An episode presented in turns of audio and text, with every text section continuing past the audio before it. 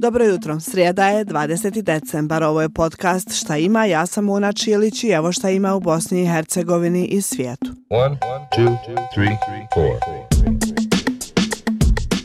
Nakon ranijeg odgađanja, danas bi trebalo početi suđenje predsjedniku Republike Srpske Miloradu Dodiku kao i Milošu Lukiću, vršiocu dužnosti direktora službenog glasnika tog entiteta. Optuženi su za neizvršavanje odluka visokog predstavnika.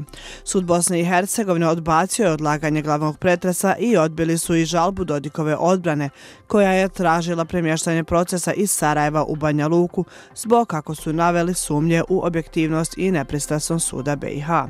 U optužnici protiv Dodika i Lukića navodi se da je Dodik potpisao ukaze, iako je bio svjestan da su odluke visokog predstavnika u BiH obavezujuće.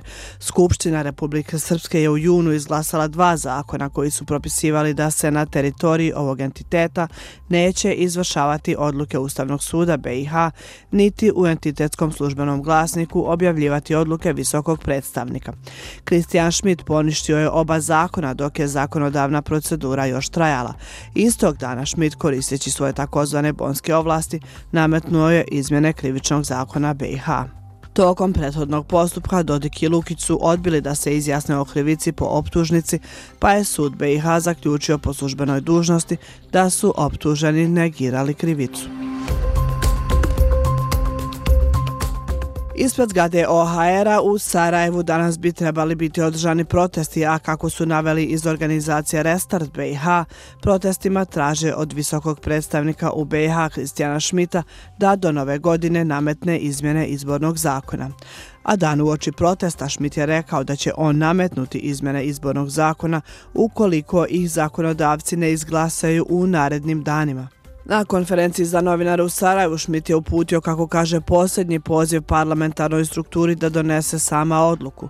Izborni zakon mora da bude korektan i transparentan, dodao je Šmit. Ove sedmice se to mora uraditi i to znači da ukoliko se to ne uradi, sve znaju da ima jedna osoba u gradu koja ima tu nadležnost i koja ima ovlaštenje da donese takvu odluku.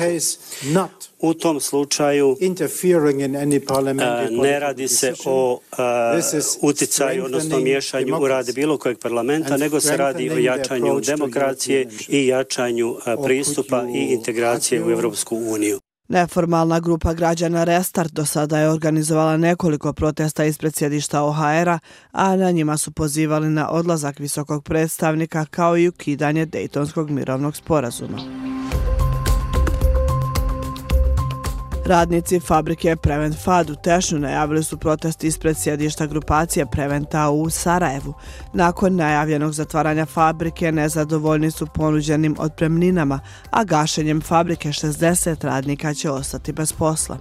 Predstavnik sindikata kaže da radnicima nije jasno zašto se gasi fabrika koja je prošle godine, prema njegovim riječima, ostvarila dobit od približno 2,5 miliona maraka. A evo što traže na protestima. Slušamo predsjednika sindikata Enesa Rošu. Tražimo uvećanje od premijenje od neki 30% od minimalne. Nisu nam regrese isplatili, dva regresa nam nisu isplatili zadnja, znači, a dužni su, tražimo te regrese da se isplate uvećanje od premijenje. Uslov je e, da ćemo odustati od protesta ako nam povećaju od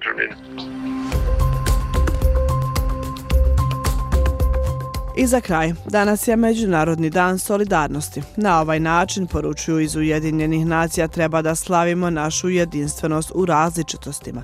Treba da podsjetimo naše vlade da poštuju obaveze koje su potpisali u međunarodnim sporazumima, ali i ovo je dan u kojem treba da postaknemo nove inicijative sa iskorjenjivanjem siromaštva. One, two, three, To je ukratko od mene za danas. Sretan ostatak dana. Čujemo se neki drugi put. Ćao.